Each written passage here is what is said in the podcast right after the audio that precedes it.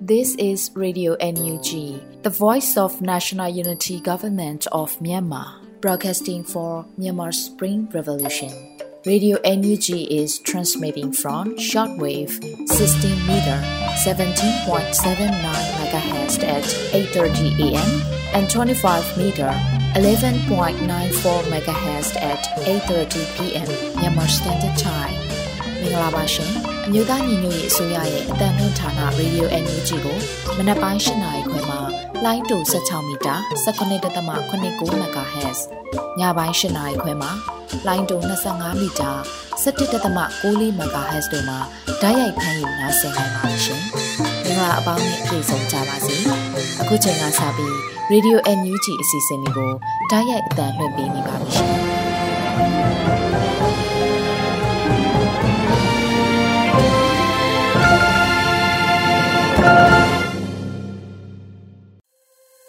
မြန်မာနိုင်ငံသူနိုင်ငံသားအပေါင်းတဘာဝပြီးစစ်အာဏာရှင်ပြည်တို့ကနေကင်းဝေးပြီးဘေးကင်းလုံခြုံကျန်းမာကြပါစေလို့ရေဒီယိုအယူဂျီဖွဲ့သားများကဆုတောင်းမြတ်တာပို့သလာရပါတယ်ရှင်။ပထမဆုံးအနေနဲ့ကာကွယ်ရေးဝန်ကြီးဌာနရဲ့စစ်ရေးသိမ်းအချင်းချုပ်ကိုຫນွေဦးမိုးမှတင်ပြပေးမှာဖြစ်ပါတယ်ရှင်။မင်္ဂလာပါခင်ဗျာ။ အမျိုးသားညီညွတ်ရေးအစိုးရကာကွယ်ရေးဝန်ကြီးဌာနမှထုတ်ဝေသောနေ့စဉ်စည်ရေးသတင်းအကျဉ်းချုပ်များကိုတင်ပြသွားပါမယ်။ဤသတင်းများကိုမြေပြင်သတင်းတာဝန်ခံနေနဲ့ခိုင်လုံသောမိဖက်သတင်းရင်းမြစ်တွေမှာဖော်ပြလာသောအချက်အလက်များပေါ်အခြေခံပြုစုထားခြင်းဖြစ်ပါတယ်ခင်ဗျာ။ပထမဆုံးအနေနဲ့စစ်ကောင်စီနဲ့တိုက်ပွဲဖြစ်ပွားမှုများကိုတင်ပြသွားပါမယ်။ချင်းပြည်နယ်တွင်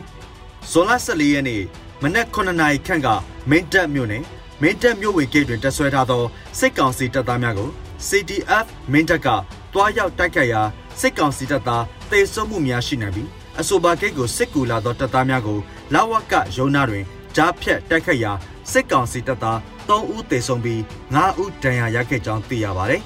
။ဇွန်လ14ရက်နေ့မနက်9:30မိနစ်ခန့်ကမင်းတပ်မြို့နယ်မင်းတပ်မြို့တွင်စစ်ကောင်စီတပ်နှင့် CDF မင်းတပ်တို့ပြစ်ခတ်မှုများဖြစ်ပွားခဲ့ရာ စစ်ကောင်စီတပ်သား2ဦးသေဆုံးပြီး3ဦးဒဏ်ရာရခဲ့ကြောင်းသိရပါတယ်ခင်ဗျာ။မွန်ပြည်နယ်တွင်ဇွန်လ14ရက်နေ့မနက်၈နာရီခန့်ကကြိုင်မရောမြို့နယ်အက်တရန်တတာ6နှစ်ခွရှိရဲကင်းဂိတ်စခန်းကိုကရင်အမျိုးသားလွတ်မြောက်ရေးတပ်မတော် KNLA နဲ့ပူးပေါင်းအဖွဲ့ကတိုက်ခတ်ခဲ့ရာ10မိနစ်ခန့်အကြာနှစ်ဖက်အပြန်အလှန်ပစ်ခတ်မှုဖြစ်ခဲ့ကြောင်းသိရပါတယ်။ဇွန်လ14ရက်နေ့မနက်6:20မိနစ်ခန့်ကတထုံမြို့နယ် ဝီယော်စကန်ဘတ်တွင်စစ်ကောင်စီမှလက်နက်ကြီးများဖြင့်ရန်တမ်းပစ်ခတ်နေပြီးပြည်သူ့ကာကွယ်ရေးတပ်မတော်တထုံခရိုင်အမှတ်နှစ်တပ်ရင်းနှင့် KNLA ပူးပေါင်းအဖွဲ့ကစနိုက်ပါဖြင့်ပစ်ခတ်မှုကြောင့်စစ်ကောင်စီတပ်သား2ဦးခန့်သေဆုံးခဲ့ပါတယ်ခင်ဗျာဇွန်လ23ရက်နေ့နေ့လယ်2:32မိနစ်ခန့်ကကြိုက်ထုံမြို့နယ်ဂူကူကျေးရွာအနီးသို့နေမီကျူးကျော်ဝင်ရောက်လာသောစစ်ကောင်စီတပ်များကိုပြည်သူ့ကာကွယ်ရေးတပ်မတော်တထုံခရိုင်တပ်ရင်း3နှင့် KNU KNLA ပူးပေါင်းအဖွဲ့များကခြုံကိုတိုက်ခတ်ခဲ့ရာနှစ်ဖက်ထိတွေ့မှုဖြစ်ပွားခဲ့ပါတယ်။တိုက်ပွဲကြာချိန်10မိနစ်ခန့်ကြာမြင့်ခဲ့ပြီးတိုက်ပွဲအတွင်းစစ်ကောင်စီတပ်သား3ဦးသေဆုံးကပြည်သူ့ကာကွယ်ရေးရဲဘော်တအူထိခိုက်ဒဏ်ရာမစိုးရင်ရရရှိခဲ့ပါတယ်ခင်ဗျာ။စကိုင်းတိုင်းတွင်ဇွန်လ14ရက်နေ့မနက်7:34မိနစ်ခန့်ကမြင်းမှုမြို့နယ်ဘိုးမင်းကြီးကင်းနဲ့ကွဲပင်တော်ကျေးရွာကြားတွင်စကိုင်းမြို့မှမုံရွာဘက်သို့ဦးတည်လာသော ကွန်တိန်နာကား6စီးကို Black Eagle Defense Force MMU ကမိုင်းဆွဲတက်ခတ်ခဲ့ရာနှစ်စီးမြောက်ကားထိမှန်ခဲ့ပြီးမနက်10:30မိနစ်ခန့်ကလည်းပြော့ကျေးရွာနဲ့နဘဲကျူးကျေးရွာကြားတွင်အဆိုပါကားတန်းကို People's Defense Force မြင်းမှု MMU PDF ကထပ်မံမိုင်းဆွဲတက်ခတ်ခဲ့ပါတယ်။ဇော်လ14ရက်နေ့နေ့လယ်2နာရီခန့်ကမော်လိုက်မြို့နယ်မော်လိုက်မြို့မှထွက်လာသောစစ်ကောင်စီတပ်သားများလိုက်ပါလာသောရေရင်ကို ပြည်သူ့ကာကွယ်ရေးတပ်မတော်မော်လိုက်ခရိုင်နဲ့ပြည်သူ့ကာကွယ်ရေးအဖွဲ့မော်လိုက်တို့ကဝဲတောင်ကျေးရွာအနီးတွင်လက်နက်ကြီးလက်နက်ငယ်များဖြင့်ပစ်ခတ်တိုက်ခတ်ရာလက်နက်ကြီးနှစ်ချက်ထိမှန်ခဲ့သဖြင့်အနောက်ဘက်ကမ်းအနီးတွင်တင်မောနှမြုပ်သွားခဲ့ပါတယ်။ဇွန်လ23ရက်နေ့ည4နာရီခန့်ကမြောင်မြို့နယ်အနီးအေယာဝတီမြစ်အတွင်တွင်စီတီတင်မောဘေးမှအဆောင်လိုက်ပါလာသောရေရင်ကား CDSOM PDF တလုံးပြည်သူ့ကာကွယ်ရေးတပ်မတော် စကိုင်းခရိုင်တက်ရင်1နဲ့တက်ခွဲ3 MGN Ranger MGN Tiger CRF မြင်းမူမြို့ပြတော်လှန်ရေးအဖွဲ့ M2W YF PDF CRA ချောင်းဦးတို့က drone ဖြင့်ဘုံကျဲတိုက်ခတ်ခဲ့ပြီးစနိုက်ပါဖြင့်ပြန်လည်တိုက်ခတ်ခဲ့တဲ့ဖြင့်စစ်ကောင်စီတပ်သား၈ဦးသေဆုံးခဲ့ပါတယ်ခင်ဗျာဇွန်လ23ရက်နေ့မနက်4:40မိနစ်ခန့်ကမုံရွာမြို့နယ်မုံရွာမြို့ ထန်းတော်ရက်ကွက်ရွှေဝါရောင်လမ်းတွင် DRPA MACT ထောက်ပို့တက်မုံရွာနိုင်ခင်အဖွဲ့တို့ကဇီးကွက်စစ်စီရေးအမည်ဖြင့်မိုင်းထောင်ထားခဲ့ပြီးမနက်9:00နာရီခန့်တွင်စစ်ကောင်စီတပ်သားများလာရောက်မိုင်းဖြုတ်စဉ်ပောက်ကွဲမှုဖြစ်ပွားခဲ့ရာမိုင်းလာဖြုတ်သောစစ်ကောင်စီတပ်သား2ဦးပြင်းထန်ထိခိုက်ဒဏ်ရာရရှိခဲ့ပြီးတေဆုံးနိုင်ခြင်းရှိပါတယ်ခင်ဗျာဇွန်လ23ရက်နေ့မနက်6နာရီခန့်ကမင်းကင်းမြို့နယ်တောင်တွင်းဒေသ ကြော်ကျေးရွာတွင်တက်ဆွဲထားသောစစ်ကောင်စီတပ်သားများနှင့်ပြူစောထီများထွက်လာသဖြင့်ရွှေတရိကန်တက်ရင်တက်ခွဲ6တိမ်ပြန်ပျောက်ကြားအဖွဲ့တက်ခွဲခွန်တူမီဖိုက်တာရွှေတမင်မုတ်ဆို local TD PDF တောင်တွင်းဗိုလ်ချုပ်သွေးတို့ကပြစ်ခတ်တိုက်ခတ်ခဲ့ရာပြည်သူ့ကာကွယ်ရေးတပ်သားတပ်ဦးလက်နက်ကြီးထိမှန်ခဲ့ပါတယ်ခင်ဗျာမန္တလေးတိုင်းတွင်ဇွန်လ14ရက်နေ့မနက်8:15မိနစ်ခန့်ကငဇုံမြို့နယ် ငဇုံမြို့အထွက်ရှိစစ်ကောင်စီများ၏ဂိတ်အား0ပျောက်ကြားတပ်ဖွဲ့ကဘုံဖြစ်တက်ခတ်ခဲ့ရာစစ်ကောင်စီတပ်သားတအူးသေဆုံးပြီး2ဦးထိခိုက်ဒဏ်ရာရရှိခဲ့ပါတယ်ခင်ဗျာဆက်လက်ပြီးစစ်ကောင်စီကျွလွန်သောရာဇဝတ်မှုများကိုတင်ပြသွားပါမယ်။ကရင်နီကယားပြည်နယ်တွင်ဇွန်လ14ရက်နေ့နေ့လယ်တနာရီ30မိနစ်ခန့်ကဒီမော့ဆိုမြို့နယ်ယူစမိုဆိုကျေးရွာသို့စစ်ကောင်စီများကတိုက်ပွဲဖြစ်ပွားခြင်းမရှိဘဲ လက်နက်ကြီးများနှင့်ပစ်ခတ်မှုကြောင့်ပြည်သူ၃ဦးထိခိုက်ဒဏ်ရာရရှိပြီးနေအိမ်နှလုံးနှင့်စိုင်းကယ်တစီပျက်စီးခဲ့ကြောင်းသိရပါတယ်။ချင်းပြည်နယ်တွင်ဇွန်လ14ရက်နေ့မတူပီမြို့နယ်ရန်စီကျေးရွာနှင့်အန်တာကျေးရွာများတွင်မကွေတိုင်းကန့်ကောဘတ်မှစစ်ကောင်စီတပ်သားများရောက်ရှိတပ်ဆွဲထားပြီးကန့်ကောမှမတူပီတို့ပြန်လာသောပြည်သူ၄ဦးကိုစစ်ကောင်စီတပ်ကအကြောင်းမဲ့ဖမ်းဆီးသွားကြောင်းသိရပါတယ်ခင်ဗျာ။စကိုင်းတိုင်းတွင် ဇော်လ14ရက်နေ့မနက်၈နာရီခန့်ကဝက်လက်မြို့နယ်တမကုန်းကျေးရွာသို့စစ်ကောင်စီတပ်သားများဝင်ရောက်ခဲ့ပြီးကျေးရွာနေအိမ်များကိုမိရှို့ဖျက်ဆီးခဲ့ပါတယ်။ဇော်လ14ရက်နေ့မနက်8:30မိနစ်ခန့်မှနေ့လယ်3:30မိနစ်အထိကလေးမြို့နယ်3အင်စုကျေးရွာရှားတော်ကျေးရွာသို့စစ်ကောင်စီတပ်သားများဝင်ရောက်ခဲ့ပြီးဒုတိယအကြိမ်မီးရှို့နေခဲ့ပါတယ်ခင်ဗျာဇွန်လ23ရက်နေ့ဝက်လက်မြို့နယ် တမာကုန်းကျေးရွာသို့စစ်ကောင်စီတပ်သားများဝင်ရောက်ခဲ့ပြီးနေအိမ်၃လုံးနှမ်းပုံတချို့နဲ့စိုင်ကယ်များကိုမီးရှို့ဖျက်ဆီးခဲ့ပါတယ်ခင်ဗျာရန်ကုန်တိုင်းတွင်ဇွန်လ23ရက်နေ့ည7:20မိနစ်ခန့်ကစမ်းကြောင်းမြို့နယ်စမ်းကြောင်းလန်းအမှတ်33 6လွာမှကြည်မင်နာ youth strike committee ဦးဆောင်သူအမျိုးသား3ဦးကိုစစ်ကောင်စီများမှဖမ်းဆီးသွားခဲ့ပါတယ်ခင်ဗျာဇွန်လ23ရက်နေ့နေ့လယ်ပိုင်းက အင်းစိန်အကျဉ်းထောင်အတွင်းတွင်နိုင်ငံရေးအကျဉ်းသား17ဦးမှအစာငတ်ခံဆန္ဒပြမှုများဖြစ်ပွားခဲ့ပြီးအကျဉ်းဦးစီးဌာနဝန်ထမ်းများကရိုက်နှက်ကညနေပိုင်းတွင်တိုက်ပိတ်လိုက်ကြောင်းသိရပါတယ်ဇွန်လ23ရက်နေ့ည7:25မိနစ်ခန့်ကကြောင်မြောင်းမြို့နယ်ဘားလန်းသို့စစ်ကောင်စီအင်အား90ခန့်ဖြင့်ဝင်ရောက်ခဲ့ပြီးအမျိုးသမီး3ဦးဖမ်းဆီးခံခဲ့ရပါတယ်ခင်ဗျာအေယာဝတီတိုင်းတွင်ဇွန်လ14ရက်နေ့ငပူတော်မြို့နယ်ငရုတ်ကောင်းမြို့နယ်ခွဲ စိန်ငံကျေးရွာတွင်စစ်ကောင်စီအင်အားအများအပြားရောက်ရှိနေပြီးရွာသူရွာသားများအားမတရားဖမ်းဆီးနေမှုများပြုလုပ်နေကြောင်းသိရပါတယ်ခင်ဗျာဟုတ်ကဲ့ပါအခုတင်ပြခဲ့တာကတော့အမျိုးသားညီညွတ်ရေးအစိုးရကာကွယ်ရေးဝန်ကြီးဌာနမှထုတ်ဝေသော နေ့စဉ်စည်ရေးသတင်းအကျဉ်းချုပ်များပဲဖြစ်ပါတယ်ခင်ဗျာကျွန်တော်ຫນွေဦးမိုးပါ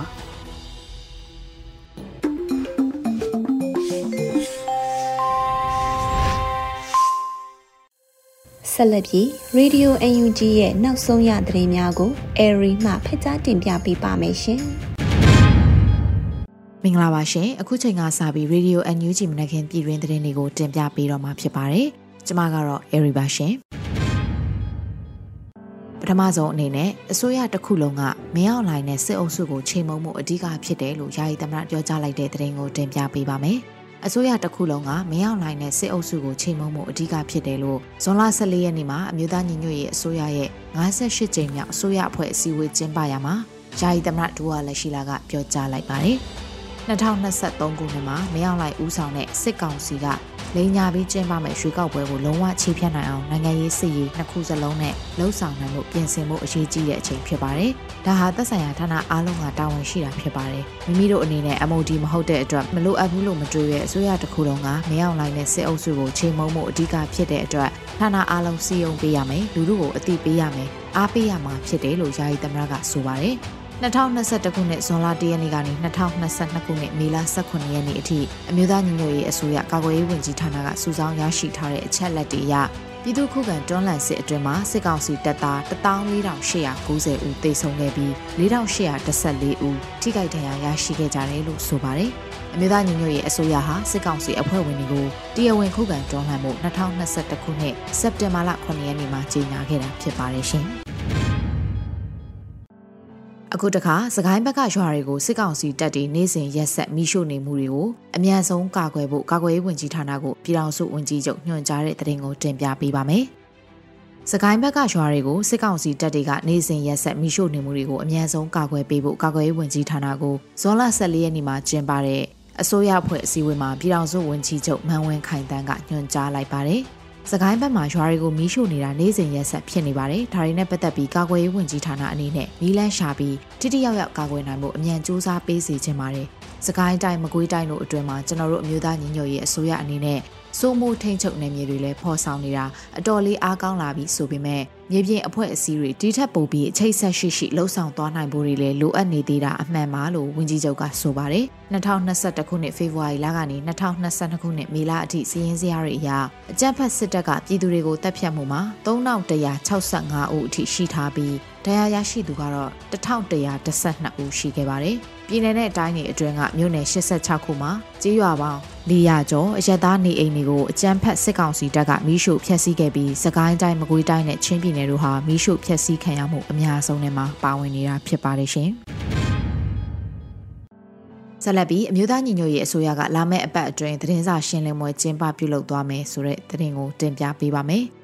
အမျိုးသားညီညွတ်ရေးအစိုးရကလာမယ့်အပတ်အတွင်းမှာသတင်းစာရှင်းလင်းပွဲကျင်းပမယ်လို့ဇွန်လ14ရက်နေ့ကကျင်းပတဲ့အစိုးရအဖွဲ့အစည်းအဝေးမှာပြည်ထောင်စုဝန်ကြီးချုပ်မန်ဝင်းခိုင်တန်းကဆိုလိုက်ပါတယ်။တချို့နိုင်ငံတကာတာဝန်ရှိသူတွေဆိုရင်ကျွန်တော်တို့အမျိုးသားညီညွတ်ရေးအစိုးရမှာ CDM ဝန်ထမ်းတွေပြန်လည်အားဖြင့်ကူညီဆောင်ရွက်ပေးနေကြတယ်ဆိုတာကိုတော့မသိကြပါဘူး။ဒါကြောင့်သတင်းအချက်လက်တွေမှန်မှန်ကန်ကန်နဲ့မြန်မြန်ဆန်ဆန်ရောက်တဲ့သူတွေထံရောက်ရှိနိုင်ရေးဟာလဲတော်လှန်ရေးအတွက်အမတန်အရေးပါတဲ့ကဏ္ဍဖြစ်ပါတယ်။လာမယ့်အပတ်ထဲမှာလဲ press conference လုပ်ဖို့စီစဉ်နေကြတယ်လို့သိရပါတယ်။ ဒီလသတင်းစာရှင်းလင်းပွဲမှာပြည်တွင်းပြည်ပကပြည်သူတွေနိုင်ငံတကာကတာဝန်ရှိသူတွေထံသတင်းတွေထိထိမိမိရောက်သွားနိုင်အောင်အားထုတ်စီမံပေးကြဖို့ PR team ကိုတိုက်တွန်းလိုပါတယ်လို့ဝန်ကြီးချုပ်ကဆိုပါတယ်။မကြသေးမီကမြို့သားညီညွတ်ရေးအစိုးရတစ်နှစ်ပြည့်လုပ်ငန်းဆောင်ရွက်ချက်တွေကိုသတင်းစာရှင်းလင်းပွဲကျင်းပပြုလုပ်ခဲ့ပါသေးတယ်။အဆိုပါရှင်းလင်းပွဲမှာ NUG အစိုးရရဲ့နေမြေစိုးမိုးနိုင်မှုအခြေအနေငွေတိုက်စာချုပ်တွေရောင်းချရမှုစစ်ကောင်စီတပ်တွေပြည်သူရင်ဝင်ခိုးလုံလာတဲ့အင်အားအခြေအနေတွေကိုရှင်းလင်းပြောကြားခဲ့တယ်လို့သိရှိရပါတယ်ရှင်။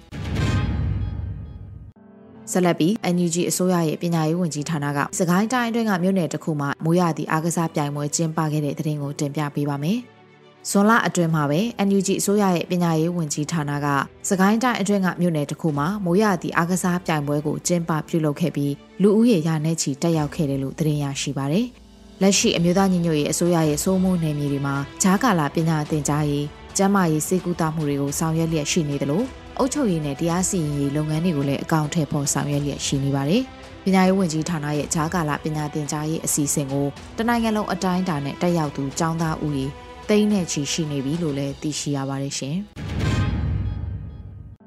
အခုတခါဆီယနာရှင်တော်လှန်ရေးကာလအတွင်းကြာဆုံးခဲ့ရသူ1942ဦးထိရှိလာပြီဆိုတဲ့သတင်းကိုတင်ပြပေးပါမယ်။ဇွန်လ14ရက်နေ့မှာနိုင်ငံရေးအကျဉ်းသားများကုညီစောင့်ရှောက်ရေးအသင်း AAPP ရဲ့ထုတ်ပြန်ချက်အရ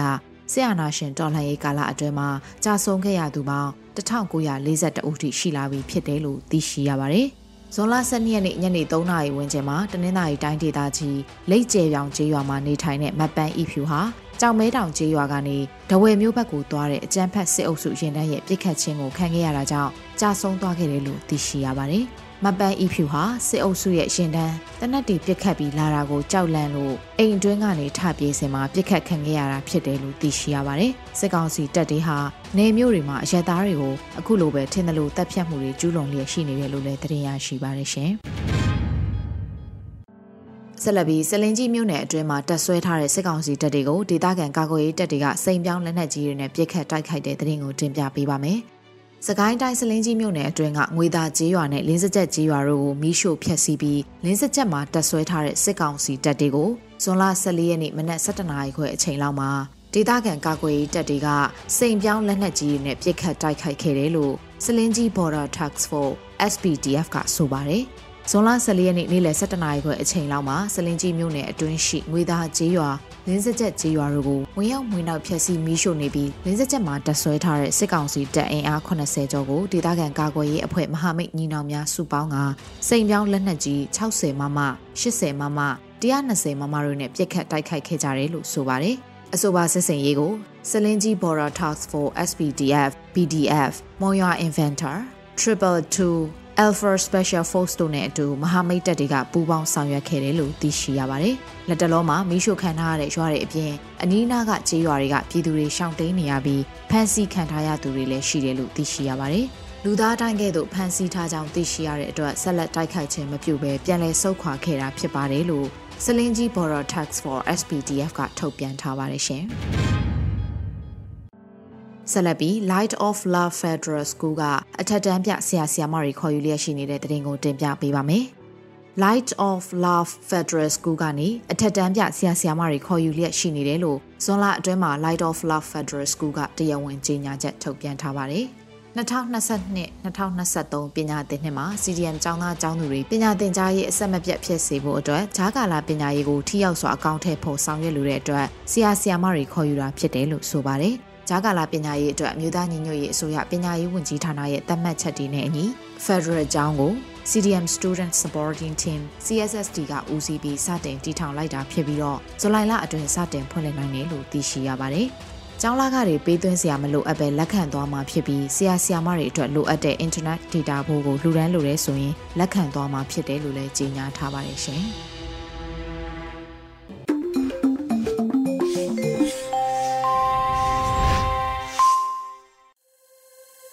ဆက်လက်ပြီး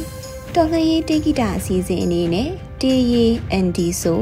တေးဆိုခရစ်စတိုဖာတို့ရဲ့ပြည်သူတွေရဲ့အားလို့အမည်ရှိတဲ့တခြင်းကိုခန်းစားနာဆင်ကြရမှာဖြစ်ပါတယ်ရှင်။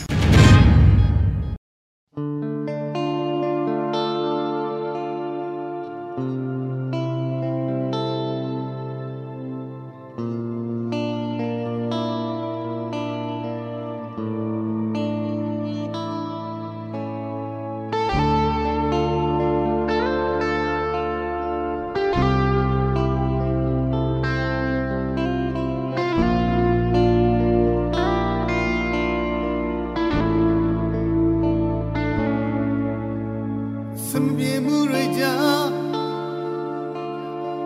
ယုံကရင်လောက်ရှာပတ်ခုမလောက်စားလို့မရအောင်ထုံးနဲ့ထားမိကုံငွေတွေနာငိုသမရလဲကြဖြစ်စီလို့ထား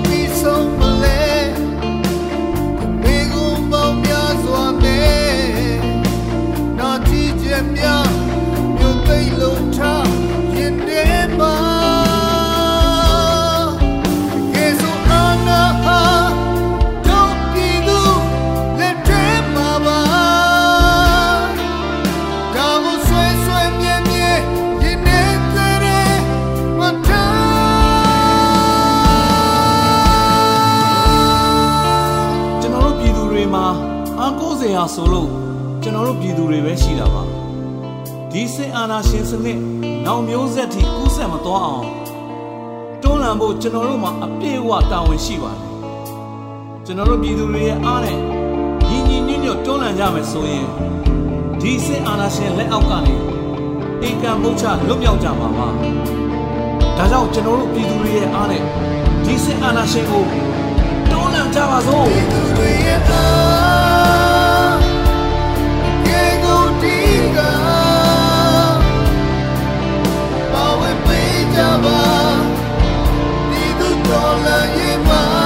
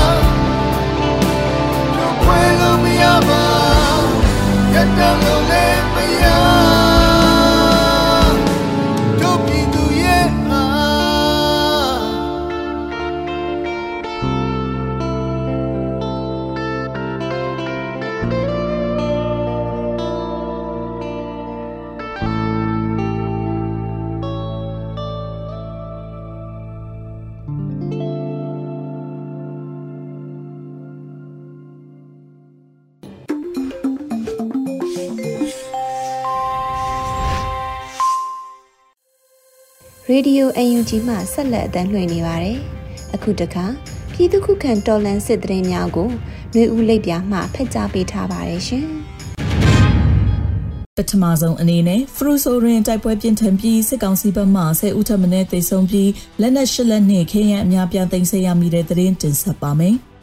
ကရင်ပြည်နယ်ဖရူဆိုမြို့နယ်တွင်ဇွန်လ10ရက်နေ့မှဇွန်လ13ရက်နေ့အတွင်းတိုက်ပွဲများပြင်းထန်ခဲ့ပြီးစစ်ကောင်စီဘက်မှဆဲဦးထပ်မံတေဆုံးကလက်နက်ရှစ်လက်နဲ့ခေရန်အများပြားသိမ်းဆည်းရမိကြောင်း KNDF ကသတင်းထုတ်ပြန်ပါတယ်။ဇွန်လ10ရက်နေ့မှ13ရက်နေ့အတွင်းကရင်ပြည်နယ်ဖရူဆိုမြို့နယ်ဒေါ်ကြီးခူကျေးရွာနှင့်ထီပေါ်ဆိုကျေးရွာတဝိုက်တွင် KA KNDF B02 B04 V08 P15 ပူပေါင်းတရင်များနှင့်အကြံဖက်စစ်တပ်တို့တိုက်ပွဲပြင်းထန်ခဲ့ကြောင်းတရက်လင်တိုက်ပွဲ၃နာရီကြာမြင့်ခဲ့ပြီး၎င်းတိုက်ပွဲများအတွင်အကြံဖက်စစ်ကောင်စီဘက်မှ၁၀ဦးထပ်မံတေဆုံးပြီးစစ်သားများတရားအမြောက်များရရှိခဲ့ကြကြောင်းပူပေါင်းတပ်များဖက်မှမစိုးရင်ရတရားနှင့်လက်နက်ခဲယမ်းများတင်ဆက်ရမိခဲ့ကြောင်းသတင်းရရှိပါသည်။ထို့ကြောင့်လက်ရှိဖရူဆိုမြို့နယ်တွင်တိုက်ပွဲပြင်းထန်နေသောကြောင့် တိုက်ပွဲဖြစ်ပွားရာနေရာများသို့ပြည်သူများတွာလာခြင်းမပြုလုပ်ကြပါရန် KNDF ကတိုက်တွန်းချက်ထုတ်ပြန်ထားပါတယ်ရှင်။ဆက်လက်ပြီးမြေမူတောချောင်းဦးကျေးရွာရဲကင်းစခန်းကိုဒရုန်းဖြင့်တိုက်ခိုက်မှုစစ်ကောင်စီတပ်ဖွဲ့ဝင်2ဦးသေဆုံးတဲ့တဲ့ဆက်လက်တင်ဆက်မှာပါ။စကိုင်းတိုင်းမြေမူမြို့နယ်တောချောင်းဦးကျေးရွာရှိရဲကင်းစခန်းကို PDF တပ်များကဒရုန်းဖြင့်ပုံကျဲတိုက်ခိုက်ရာစစ်ကောင်စီတပ်ဖွဲ့ဝင်2ဦးသေဆုံးကြောင်း ဒေသကာကွယ်ရေးတပ်များ၏ထုတ်ပြန်ချက်အရသိရှိရပါသည်။ဇွန်လ17ရက်နေ့စနေနေ့ညနေအချိန် GTR MMU Germany Revolution Force စကိုင်းခရိုင်တရင်1မဟာမိတ်3ဖွဲ့ပူးပေါင်း၍တိုက်ခိုက်ခြင်းဖြစ်ကြောင်းစစ်ကောင်စီတပ်ဖွဲ့ဝင်2ဦးသေဆုံးကြောင်းသတင်းရရှိရပါတယ်ရှင်။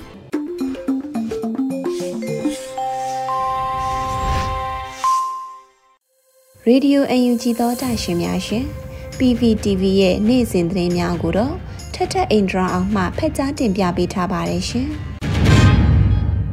ပထမဆုံးတင်ဆက်ပေးမှာကတော့ကာလာတို့ဖြည့်ရှင်မှုနီလန်အလုံးကစစ်တပ်အုပ်ချုပ်မှုတည်တံ့စေပြီးအကြမ်းဖက်မှုနဲ့မတည်ငြိမ်မှုတန်တရားကိုအားပေးရရောက်တယ်လို့ကုလသမဂ္ဂအထွေထွေညီလာခံမှာဥကြုံမိုးထွန်းသတိပေးပြောကြားလိုက်တဲ့ဆိုတဲ့သတင်းကိုတင်ဆက်ပေးပါမယ်။ ကာလာတို့ဖြည့်ရှင်မှုနီလန်အလုံးမှာမြန်မာနိုင်ငံတွင်စစ်တပ်အုပ်ချုပ်မှုတည်တံ့စေပြီးအကြမ်းဖက်မှုနဲ့မတည်ငြိမ်မှုတန်တရားကိုအားပေးရရောက်တယ်လို့ဂျွန်လ23ရက်ကကျင်းပတဲ့ကုလအထွေထွေညီလာခံမှာကျင်းပတဲ့ကုလသမဂ္ဂအထွေအမှုချုပ်ရဲ့မြန်မာနိုင်ငံဆိုင်ရာအထူးကိုယ်စားလှယ်နဲ့အလုပ်သဘောအစည်းအဝေးမှာကုလသမဂ္ဂဆိုင်ရာမြန်မာအမြဲတမ်းကိုယ်စားလှယ်တာမကြီးဦးကျော်မိုးထွန်းကသတိပေးပြောကြားပါရယ်တရားမဝင်စစ်တပ်အုပ်ချုပ်မှုကိုအတိအမှတ်ပြုခြင်းထောက်ခံခြင်းဟာ မြန်မာနိုင်ငံရဲ့ပြည်ပခါတွေနဲ့ပြည်သူတွေရဲ့ဒုက္ခတွေကိုအချိန်ကြာမြင့်စေမှာဖြစ်ပြီးတော့စစ်တပ်အုပ်ချုပ်မှုတည်တံ့စေရန်အထောက်အပံ့ဖြစ်စေမဲ့ကာလာတူဖြည့်ရှင်းမှုနီလန်အလုံးကမြန်မာနိုင်ငံမှာဖြစ်ပွားနေတဲ့စစ်တပ်ရဲ့အကြမ်းဖက်မှုနဲ့မတည်ငြိမ်မှုတန်တရားကိုအားပေးရရောက်တယ်လို့ဥကြုံမှုထွန်းကပြောကြားလိုက်ပါတယ်။အာဆီယံကတရားမဝင်စစ်ကောင်းဆောင်ကိုထိပ်သီးအစည်းအဝေးကိုတက်ရောက်ခွင့်မပြုတဲ့ပေါ်အသိအမှတ်ပြုကြောင်းနဲ့အဲ့ဒီရည်တည်ချက်ကိုဆက်လက်ထားရှိဖို့တိုက်တွန်းခဲ့ပြီးမြန်မာပြည်သူတွေကိုကိုစားပြုတဲ့တရားဝင်အမျိုးသားညီညွတ်ရေးအစိုးရနဲ့ ယုံကြည်မှုတည်ဆောက်နိုင်မယ်လို့မျှော်လင့်ကြောင်းလည်းတမ်မတ်ကြီးကပြောပါတယ်။အကြမ်းဖက်စစ်ကောင်စီကျူးလွန်နေတဲ့ဆိုးရွားတဲ့နိုင်ငံတကာပြစ်မှုတွေလူသားမျိုးနွယ်စုပေါ်ကျူးလွန်တဲ့ပြစ်မှုတွေအတွက်ပြစ်ဒဏ်ခံရမှုတာဝန်ခံမှုရှိစေရေးအတွက်ကုလလုံခြုံရေးကောင်စီကဆောင်ရွက်ပေးနိုင်တယ်လို့တမ်မတ်ကြီးကထောက်ပြခဲ့ပြီးကုလသမဂ္ဂနဲ့နိုင်ငံတကာအနေနဲ့မြန်မာပြည်သူတွေအထူးလိုအပ်နေတဲ့လူသားချင်းစာနာထောက်ထားမှုအကူအညီတွေပေးအပ်ရန်စစ်တပ်ရဲ့ထပ်မံအကြမ်းဖက်မှုလုပ်ရက်တွေကိုရပ်တန့်ရန်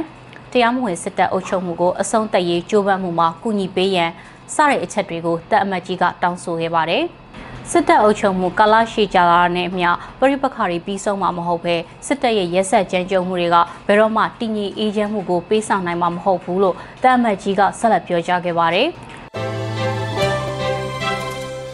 ဆက်လက်ပြီးတော့ ASEAN Defense Minister Meeting ADMM အစည်းအဝေးမှာ အကြံဖက်စစ်ကောင်စီကိုဖိတ်ကြားထားမှုအားပဲ့ဖြတ်ပေးဖို့တောင်းဆိုမှုတွေပြုလုပ်နေတဲ့ဆိုတဲ့သတင်းကိုတင်ဆက်ပေးပါမယ်။ ASEAN Defense Minister Meeting ADMM အစည်းအဝေးကိုဇွန်လ22ရက်မှာပြုလုပ်မှာဖြစ်ပြီးတော့အဲ့ဒီအစည်းအဝေးမှာအကြံဖက်စစ်ကောင်စီကိုဖိတ်ကြားထားမှုအပေါ်ပဲ့ဖြတ်ပေးဖို့အတွက်တောင်းဆိုမှုတွေပြုလုပ်နေတာပါ။အာဆီယံရဲ့ကာကွယ်ရေးအစီအစဉ်ကမြန်မာစစ်တပ်ကိုအစည်းအဝေးတွေလေ့ကျင့်ရေးတင်နန်းတွေထောက်လှမ်းရေးတည်င်းအချက်လက်အပြန်အလှန်ဖလှယ်တာတွေ စစ်လက်နက်ထုတ်လုပ်မှုတွေသုတေသနနဲ့ဖွံ့ဖြိုးရေးလုပ်ငန်းတွေစိုက်ဘာလုံခြုံရေးနဲ့ပညာရေးကဏ္ဍတွေမှာပါဝင်ဖို့ခွင့်ပြုထားတဲ့အတွက်သူတို့ကိုတက်ရောက်ခွင့်ပြုဖို့မဖြစ်မနေရပ်တန့်မှာဖြစ်ကြောင်း Justice for Myanmar ကတောင်းဆိုထားတာပါအာဆီယံနိုင်ငံရေးလုံခြုံရေးအတိုင်းအဝန်ရဲ့မျှော်မှန်းချက်အစိတ်အပိုင်းဖြစ်အာဆီယံနဲ့၎င်းရဲ့ကာကွယ်ရေးဆိုင်ရာမိဖက်တွေဟာအာဆီယံရဲ့ကာကွယ်ရေးကဏ္ဍကတဆင့်မြန်မာစစ်တပ်နဲ့နှက်ဆိုင်နဲ့ထိတွေ့ဆက်ဆံမှုတွေအဆင့်တိုင်းမှာအဆက်မပြတ်ရှိနေခဲ့ပြီးဖြစ်တယ်လို့ Justice for Myanmar ကထောက်ပြထားပါတယ်။ အာဆီယံမှာအကြမ်းဖက်မြန်မာစစ်တပ်ပါဝင်ခွင့်ရရှိနေတာက၎င်းတို့အတွက်စွမ်းဆောင်ရည်တည်ဆောက်ဖို့စစ်လက်နက်ရရှိဖို့ဝင်ငွေအရင်းမြစ်တွေရှာဖွေဖို့နိုင်ငံတကာတရားဝင်မှုရှာဖွေဖို့ဝါဒဖြန့်ချီရေးဆိုင်ရာရည်ရွယ်ချက်တွေအတွက်စက်ကြောင်းတွေဖော်ထုတ်ဖို့နဲ့အာဆီယံအဖွဲ့ဝင်တွေဒေသရင်းအင်အားကြီးနိုင်ငံတွေနဲ့နှစ်ဖက်စီရေးဆက်ဆံရေးပုံမခိုင်မာစေဖို့အတွက်ပံ့ပိုးကူညီပေးထားတာပဲဖြစ်တယ်လို့ထောက်ပြထားပါတယ်။ မြန်မာစစ်တပ်ကနိုင်ငံတကာလူအခွင့်အရေးတွေနဲ့လူသားချင်းစာနာထောက်ထားမှုဥပဒေတွေကိုအကြိမ်ကြိမ်ချိုးဖောက်နေတဲ့စစ်ရာဇဝဲမှုတွေအတွက်အဖြစ်ပေးအရေးယူခံရခြင်းအလင်းမရှိပဲကျူးလွန်နေတာကိုသိရတဲ့အာဆီယံအနေနဲ့အကြမ်းဖက်မြန်မာစစ်တပ်နဲ့ထိတွေ့ဆက်ဆံမှုတွေလှုံ့ဆော်နေတာကအင်မတန်စိတ်ပျက်စရာဖြစ်တယ်လို့ထုတ်ပြန်ချက်မှာဖော်ပြထားပါတယ်။ဇွန်လ22ရက်မှာကျင်းပမယ့် ADMM အစည်းအဝေးအပါအဝင်အာဆီယံအစည်းအဝေးများနဲ့လှုပ်ရှားမှုအလုံးကနေမြန်မာစစ်ကောင်စီကိုဖယ်ရှားဖို့ အမျိုးသားညီညွတ်ရေးအစိုးရ NUG ကိုမြန်မာနိုင်ငံရဲ့တရားဝင်အစိုးရအဖြစ်အတိမတ်ပြုပြီးတော့မြန်မာချက်တဲကိုဖြည့်ရှင်းဖို့အမျိုးသားညီညွတ်ရေးအစိုးရနဲ့ပူးပေါင်းဆောင်ရွက်ဖို့နဲ့မြန်မာပြည်သူတွေအပေါ်စစ်တပ်ရဲ့အကြမ်းဖက်မှုတွေအားလုံးအဆုံးသတ်ဖို့ထိရောက်တဲ့အရေးယူဆောင်ရွက်ချက်များလှုံ့ဆော်ဖို့စတဲ့အချက်တွေပါတဲ့တောင်းဆိုချက်တွေကိုအာဆီယံနဲ့ ADMM+ နိုင်ငံတွေဖြစ်တဲ့ Australia, India, Japan, တောင်ကိုရီးယား နယူးဇီလန်ရုရှားနဲ့အမေရိကန်ပြည်ထောင်စုနိုင်ငံများထံတောင်းဆိုထားတယ်လို့ Justice for Myanmar ကထုတ်ပြန်ချက်မှာဖော်ပြထားပါတယ်။ဒီကနေ့ကတော့ဒီညနဲ့ပဲ Radio NUG ရဲ့အစီအစဉ်လေးကိုခਿੱတရနာလိုက်ပါမယ်ရှင်။မြန်မာစံတော်ချိန်မနက်၈နာရီခွဲနဲ့ည၈နာရီခွဲအချိန်တွေမှာပြန်လည်ဆုံတွေ့ကြပါစို့။ Radio NUG ကိုမနက်ပိုင်း၈နာရီခွဲမှာလိုင်းတူ16မီတာ19.8 MHz ညပိုင်း၈နာရီခွဲမှာလိုင်းတူ25မီတာ 17.6 MHz တို့မှာဓာတ်ရိုက်ဖမ်းလို့နိုင်စေနိုင်ပါပြီ။မြန်မာနိုင်ငံသူနိုင်ငံသားတွေကိုစိတ်နှပြကျန်းမာချမ်းသာလို့ဘေးကင်းလုံခြုံကြပါစေလို့ Radio NUG အဖွဲ့သူဖွဲ့သားတွေကဆုတောင်းမြတ်တာပို့တာလာရပါတယ်ရှင်။အမျိုးသားညီညွတ်ရေးအစိုးရရဲ့စက်သွေးရေးသတင်းအချက်အလက်နဲ့လူပညာဝန်ကြီးဌာနကထုတ်လွှင့်နေတဲ့ Radio NUG ဖြစ်ပါတယ်။ San Francisco Bay Area အခြေစိုက်မြန်မာမိသားစုတွေနဲ့နိုင်ငံတကာကစေတနာရှင်လို့အားပေးနေတဲ့ Radio NUG ဖြစ်ပါတယ်။ အရေးတော်ပုံအောင်ရမည်